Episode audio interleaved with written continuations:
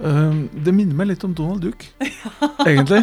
Ja, det gjør det. Faktisk. Ja, det. Um, nei, det ligner vel mer på, på at du uh, det ligner mer på Donald enn på aksjemarkedet. Ja, i og for seg. Ja. Omtrent der ble mine antakelser pent parkert av Finn Øystein Berg.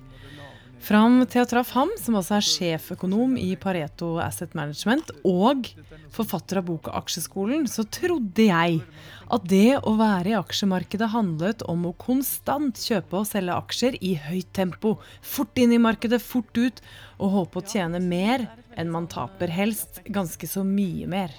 Altså, Forskjellen er vel egentlig at dette, dette er noe som gir avkastning over tid. Jeg tror veldig mange tenker på det som noe som går opp og ned hele tiden. Men stort sett så går det opp hele tiden.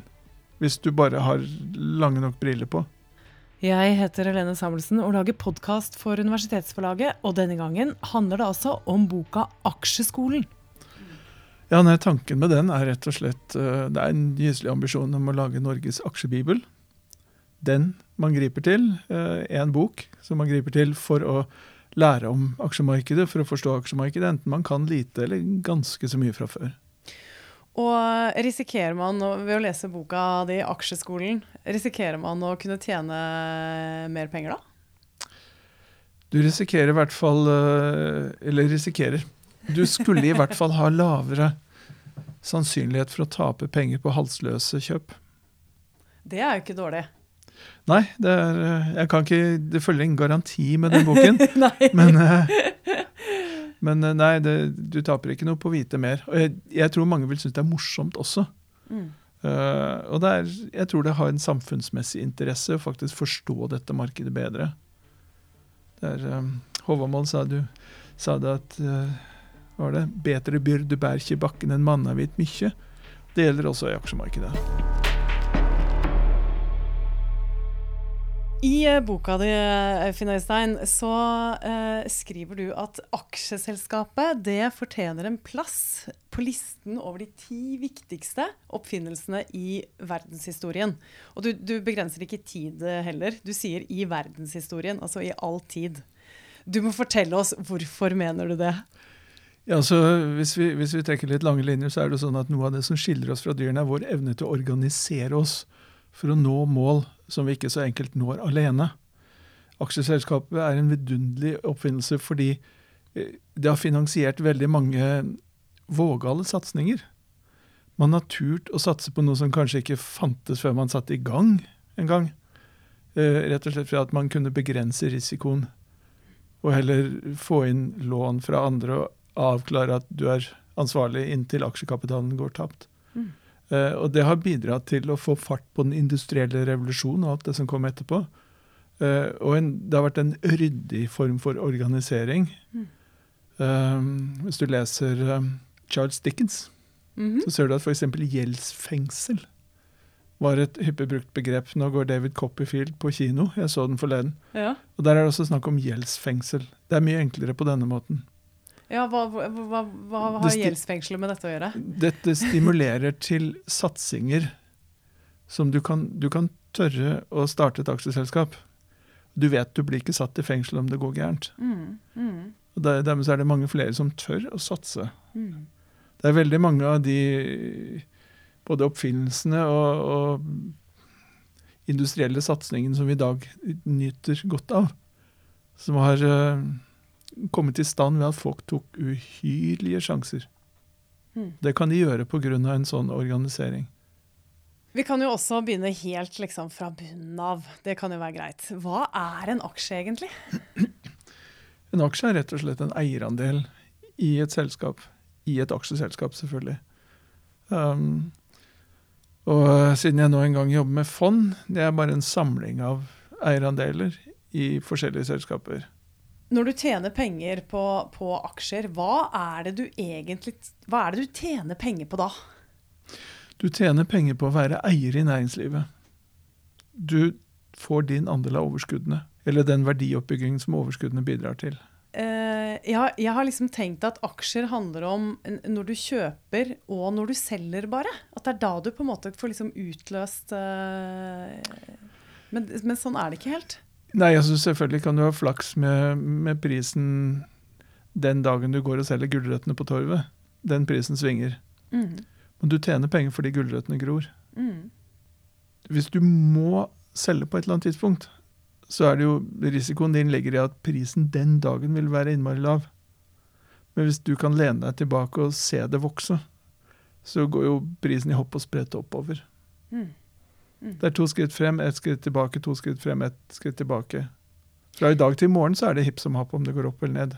Jeg har regnet ut at fra Altså, vi fikk nye indekser fra nyttårsaften 1982.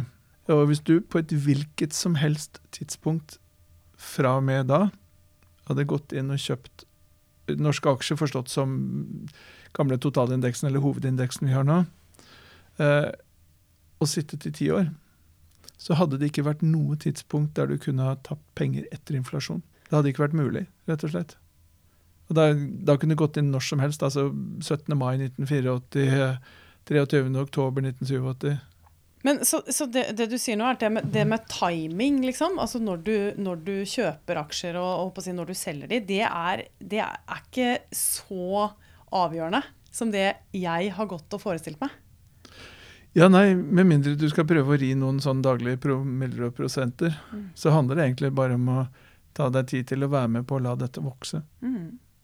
Men eh, når det gjelder, når det, gjelder det å liksom gå inn på rett tid, da. Du refererte jo til at du hadde, du hadde gjort noen, lure vurderinger og handlinger eh, akkurat eh, i mars eh, nå med, med korona. Eh, er ikke det ganske vanskelig å få til for ikke-profesjonelle? Jo, øhm, utgangspunktet så, så er det fryktelig vanskelig fordi vi alle er offer for kollektive følelser. Stemninger. Når alle er optimistiske, så er du det også. Omvendt. Følelser går i flokk. Uh, men den beste timingen er egentlig bare å, å være tidlig ute og sent tilbake igjen fra aksjemarkedet. Ja, for at, eh, hvis det er veldig mange som vil kjøpe eh, på samme tidspunkt, sånn som Mm. du sier når følelsen er liksom positiv og det er litt sånn høy, nå går det bra her, Mm. så melder mange seg på ønske om å Eller mange vil kjøpe. Og da stikker kursen. Noen vil kanskje kunne si at, eh, at uh, aksjespekulasjon kan uh, ligne litt på gambling. Det er du uenig i, eller? Uh, aksjespekulasjon kan sikkert ligne på gambling. Mm. Jeg snakker ikke så mye om spekulasjon som Nei. investeringer. Nei. Det er to forskjellige ting. OK. Ja. Mm.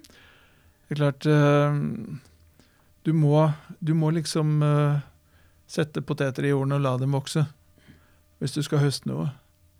Eh, fra dag til dag så er det hipp som happ om aksjer går opp eller ned. Noen sitter da også Det er daytrader. De handler fra klokken tolv til klokken to. Dvs. Si først kjøper de, og så selger de to timer senere, f.eks. For, eksempel, for å utnytte svingninger i markedet. Mm. Eh, det er spekulasjon. Mm. Det kan tenkes at de mener de har et flott og fint system som ikke jeg kjenner til, for å finne ut om de skal kjøpe eller selge, men for meg er det spekulasjon. Mm. Men det å sette penger i aksjer eller aksjefond og bli sittende i ti år, det er ikke spekulasjon. Mm. Da er du med som eier i næringslivet, og de verdiene som skapes i næringslivet, er din avkastning. Avkastning og utbytte. Mm. Kan du forklare forskjellen på de to? Ja, altså Utbytte er egentlig ikke noe annet enn et uttak. Ja. egentlig. Altså, når du, får, eh, du setter penger i banken, så har du, får du renter. Det er din avkastning. Mm. Du kan ta ut noe av rentene, eller du kan la det bli stående. Sånn er det egentlig med aksjeselskaper. og det skal, eh, I teorien spiller det ingen rolle om du tar ut utbytte eller ikke. Hvis, eh, hvis 100 kroner blir til 105 i aksjeselskapet, og du tar ut 5 kroner i utbytte, Mm. så har du en aksje til 100 og utbytte til 5. Mm. Eh, Det skal ikke spille noen rolle. Så utbyttet har nei, Unnskyld, avkastningen har form av utbytte. Men det er bare måten du tar ut avkastningen på. Mm -hmm. Avkastningen er Den skapes i selskapet du eier. Mhm. Og så kan du ta ut avkastningen i form av verdistigning eller utbytte. Tar du, tar du ut utbytte på ti kroner, så faller kursen med ti kroner.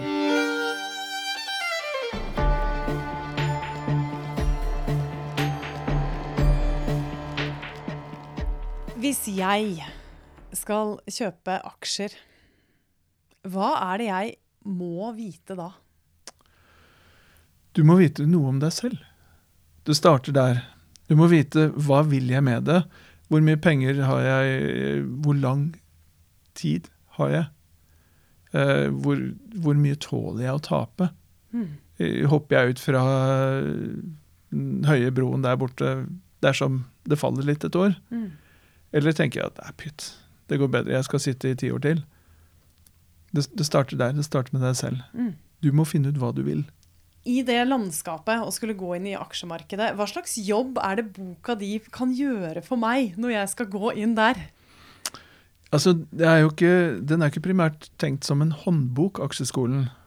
Uh, jeg bruker mye plass på, på, å hjelpe leseren, håper jeg, til å forstå hvordan dette fungerer. Jeg drar jo gjennom grunnleggende finansteori, uh, og så skriver jeg hvorfor den kanskje ikke er så god likevel.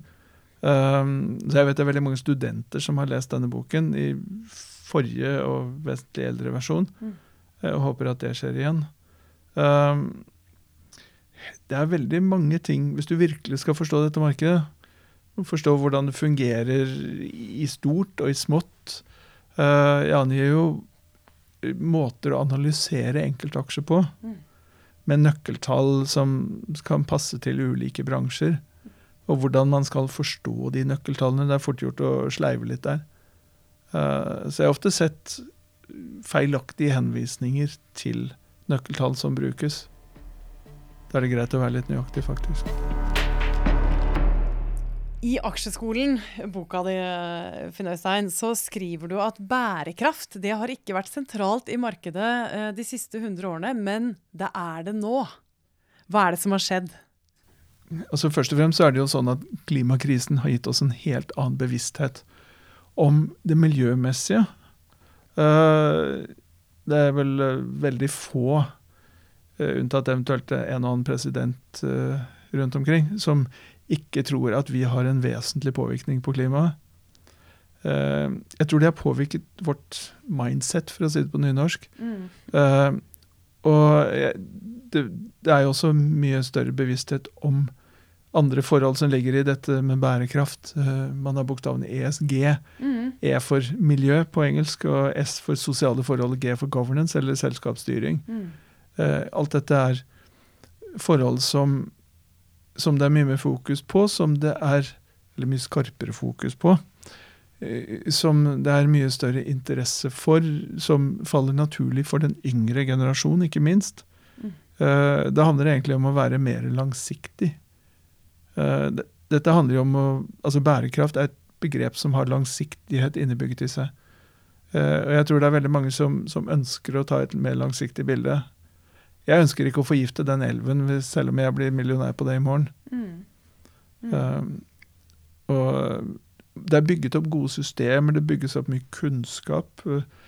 NBIM, eller Norges Bank Investment Management, som forvalter oljefondet, har et veldig godt system for å ivareta bærekraft. Det er ikke nok bare å lene seg på dem, mm. tenker jeg.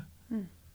Men eh, det er i ferd med å forandre aksjemarkedet. Altså på kort sikt hvilke aksjer som gir avkastning, på lang sikt hvilke selskaper som kommer til å klare seg best.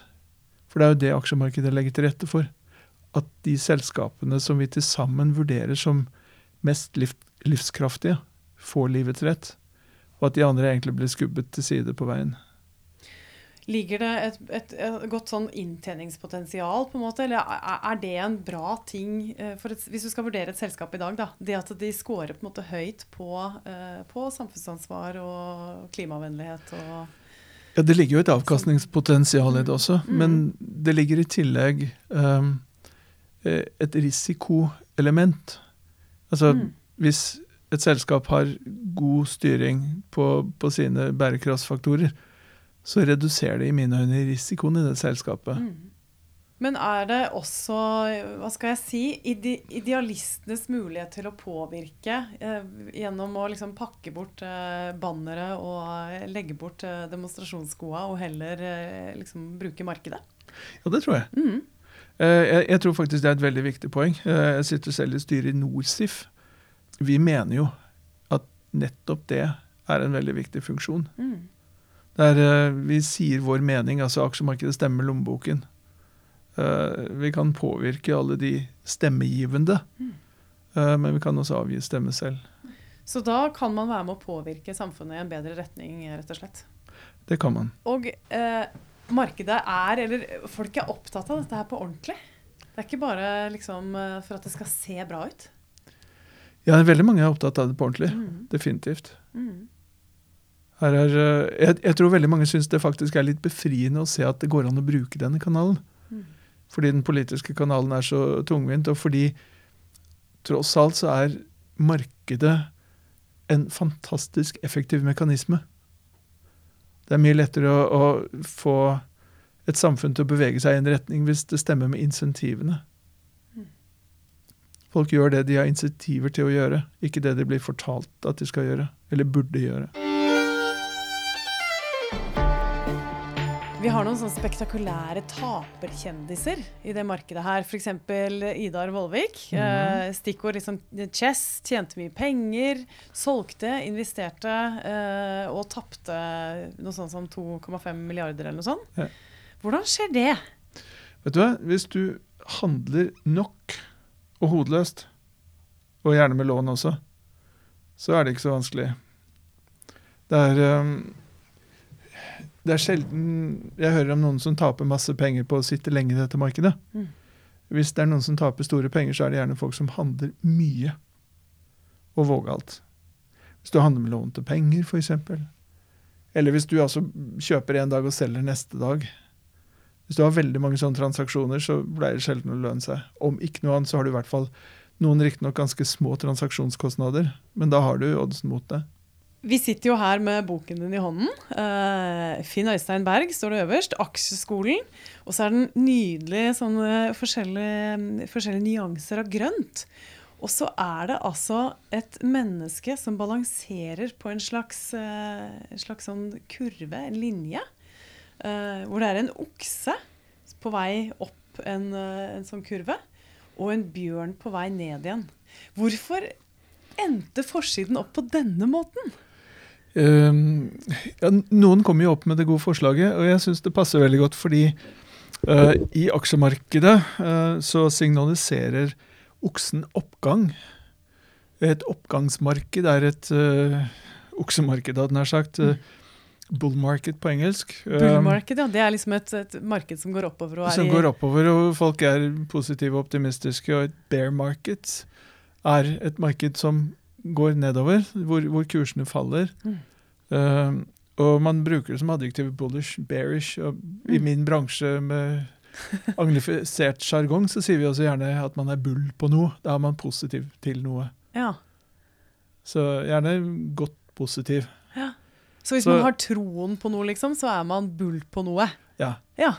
Og, og den personen på coveret, jeg syns det var veldig kult laget, han balanserer jo da på en kurskurve mellom denne oksen og denne bjørnen. Ja. Det går opp og ned i dette markedet, selv om det går mest opp på lang sikt, så går det opp og ned på kort sikt. Tror du det blir morsommere å gå inn i aksjemarkedet hvis man uh, har boka di i baklomma? Uh, det burde i hvert fall være mer fornuft uh, forbundet med det. Det kan antagelig være ganske morsomt å hoppe uten strikk òg. ja. Spennende, i hvert fall. Men vi anbefaler det ikke. Nei.